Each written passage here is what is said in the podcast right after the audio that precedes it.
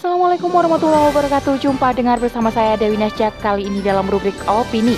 Dengan judul Islamofobia di India kian menggema.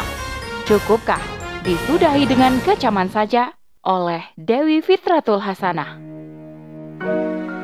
Kecaman dan kutukan adalah dua hal yang selama ini terus dilakukan oleh penguasa di negeri-negeri Islam kala Rasulullah Shallallahu Alaihi Wasallam dihina. Namun faktanya, Islamofobia terhadap Islam terus terjadi dan belum juga menemui titik henti. Ya, kecaman dan kutukan sering kali diucapkan, tetapi tanpa aksi nyata. Tidak heran jika Islamofobia makin kronis dan menyebar luas, termasuk di India. Selengkapnya, tetap di podcast Narasi Pos Media. Narasi Pos, cerdas dalam literasi media, bijak menangkap peristiwa kunci. Islamofobia kronis. Tak salah bila dua kata itu disematkan kepada India. Sebab faktanya, itulah yang terjadi di India.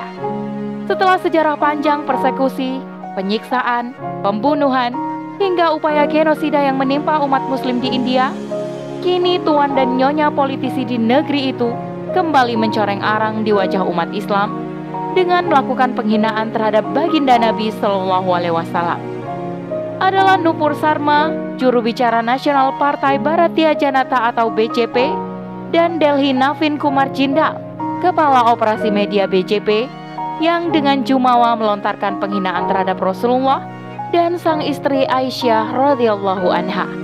Penghinaan kepada Rasulullah Shallallahu alaihi wasallam tersebut dilayangkan dalam sebuah acara debat di stasiun televisi. Disusul Jindal yang mencuit pesan di akun Twitternya dengan nada penghinaan serupa. Tak pelak, pernyataan kedua politisi itu pun memantik protes dan tuntutan. Bentrok pun tak terhindarkan. Belakangan diketahui, umat muslim di India awalnya protes dengan cara berdemo, membentangkan spanduk dan berorasi menyampaikan luka di hati. Akan tetapi, mereka dipancing agar melakukan tindakan kasar. Pihak Hindustan yang pro partai tersebut terus berkoar-koar menghina dengan kata-kata yang tidak pantas dan sangat kasar. Seperti yang Hindustan inginkan, umat muslim pun berhasil tersulut oleh api yang sengaja disambarkan untuk kemarahan. Umat muslim India pun terperangkap dalam jebakan. Walhasil, mereka pun dituduh anarkis dan dituduh biang kerok terjadinya bentrok. Umat muslim di India difitnah dengan narasi tersebut lewat stasiun televisi dan media. Meskipun demikian, penghinaan tersebut pun tak membatalkan kecaman dan pemboikotan produk India yang diserukan oleh umat Islam sedunia. Telah menjadi rahasia umum dan tak disangsikan. Kebencian Hindustan India kepada umat Muslim India telah mengemuka seantero dunia sejak lama. Mulai dari rakyat jelata hingga penguasanya. Membenci dengan berbagai cara hingga tak lagi ragu dan malu menampakkan kebenciannya. Merespon penghinaan tersebut, Indonesia melalui Kemenlu telah memanggil Duta Besar India di Jakarta. Kemenlu pun merilis pernyataannya tentang kutukan keras terhadap dua politisi India di akun Twitter resminya pada Senin malam 6 Juni 2022. Begitu pula dengan negara-negara tetangga dan Timur Tengah seperti Pakistan, Arab Saudi, Kuwait, dan Qatar yang juga turut menegaskan kecamannya. Kecaman dan kutukan adalah dua hal yang selama ini terus dilakukan oleh penguasa di negeri-negeri Islam kala Rasulullah Shallallahu Alaihi Wasallam dihina. Namun faktanya, Islamofobia terhadap Islam terus terjadi dan belum juga menemui titik henti. Iya, kecaman dan kutukan sering kali diucapkan, tetapi tanpa aksi nyata. Tidak heran jika Islamofobia makin kronis dan menyebar luas, termasuk di India. Kecaman-kecaman tersebut ditanggapi bak angin lalu saja. Lebih-lebih kedua politisi India penghina baginda Nabi Shallallahu Alaihi Wasallam tersebut hanya mendapatkan hukuman skorsing dan dikeluarkan dari partainya. Jelas, hukuman itu amatlah sepele dan ringan.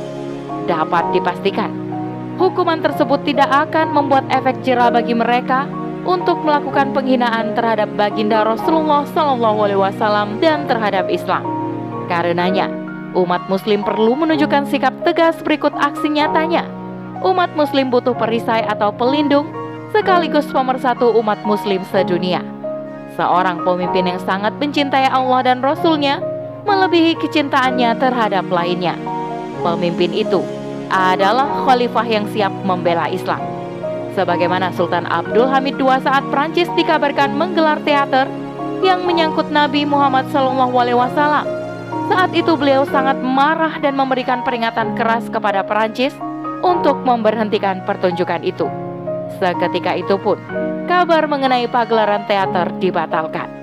Perancis sadar bahwa Sultan Abdul Hamid II adalah pemimpin kaum muslim yang tegas menerapkan seluruh hukum-hukum Islam, termasuk hukuman bagi para penghina Islam. Perancis pun tentu takut disanksi hukuman mati bila tetap ngeyel menggelar pertunjukan yang melecehkan Rasulullah. Ibnu Taimiyah rahimahullah menyampaikan dalam Sarimul Maslul, orang yang mencela Nabi Shallallahu alaihi wasallam, baik muslim atau kafir, ia wajib dibunuh. Ini adalah mazhab mayoritas ulama. Ibnu Munsir mengatakan bahwa mayoritas ulama sepakat hukuman pencela Nabi Shallallahu alaihi wasallam adalah dengan dibunuh. Di antara yang berpendapat demikian adalah Malik, Al-Laits, Ahmad, Ishaq, dan ini juga merupakan pendapat mazhab Syafi'i. Ibnul Munzir juga berkata, dan diriwayatkan dari An-Nu'man bahwa ia berpendapat pencela Nabi jika kafir zimi tidak dibunuh, karena justru mereka sudah memiliki hal yang lebih parah, yaitu kemusyrikan.